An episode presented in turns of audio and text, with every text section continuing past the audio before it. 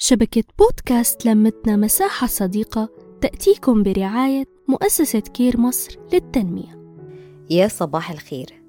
بيتجدد معاكم اللقاء أصدقائنا ومتابعينا وزي ما عودناكم دايما بنحكي كل حاجة بتهمنا وأحيانا كل حاجة بتكون هم لينا.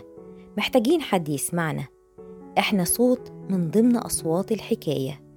من بودكاست الحكاية التابع لشبكة لمتنا مساحة صديقة اللي بيقدم فكرة وتوعية وحكاية وأحيانا أغنية. من حقك تتكلمي.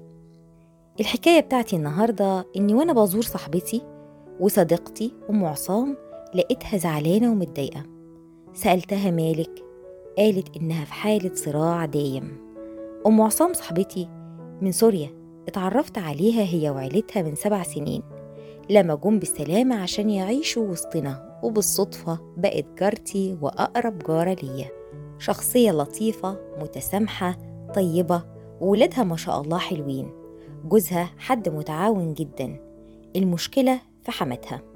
اللي جت بعد فترة عشان تعيش معاها. ومن وقتها وأم عصام على طول متضايقة. لما سألتها قالت لي حماتي ست طيبة لكن بتحب ابنها جدا جدا جدا. ليها نظام معين ودايما مش عاجبها اللي بعمله. أم عصام هي وولادها بيروحوا النادي وليهم نظام في الأجازات مش عاجب طبعا حماتها ولا عاجبها إزاي بيديروا البيت ولا إزاي بتعمل الأكل ولا إزاي بتقوم بالغسيل ولا إزاي بتخرج هي والولاد. كل حاجة بتطلع فيها عيب. طريقة إدارتها لبيتها على طول مش عاجباها. دايما بتلقي عليها باللوم وعلى طول زعلانة منها.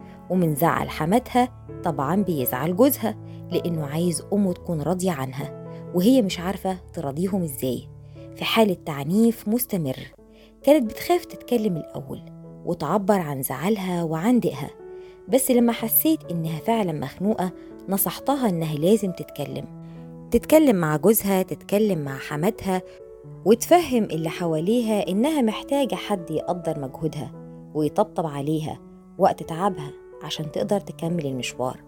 وقلت لها إن في المساحة الصديقة اللي ممكن تتوجه ليها وتحاول هناك تندمج مع كل السيدات الموجودين وتطلع نشاطها وطاقتها في شيء مفيد تحس بيه إنها مبسوطة بجد وتعرف تتكلم وتعبر عن أي حاجة مضايقاها.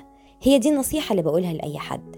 ما تحاوليش ما تحاوليش ما تحاوليش إنك تتحملي فوق طاقتك وتوصلي بنفسك لدرجة الانفجار.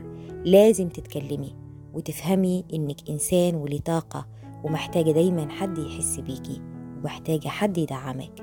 من بودكاست شبكة لمتنا مساحة صديقة وبودكاست الحكاية بنتمنى لكل سيدة تقدر تتكلم وتفهم وتعبر عن مشاكلها ومشاعرها وإحنا معاكي على طول المشوار. كنت معاكم في الحكاية النهاردة صفاء فوزي. كل الحب. نحكي نتشارك نتواصل.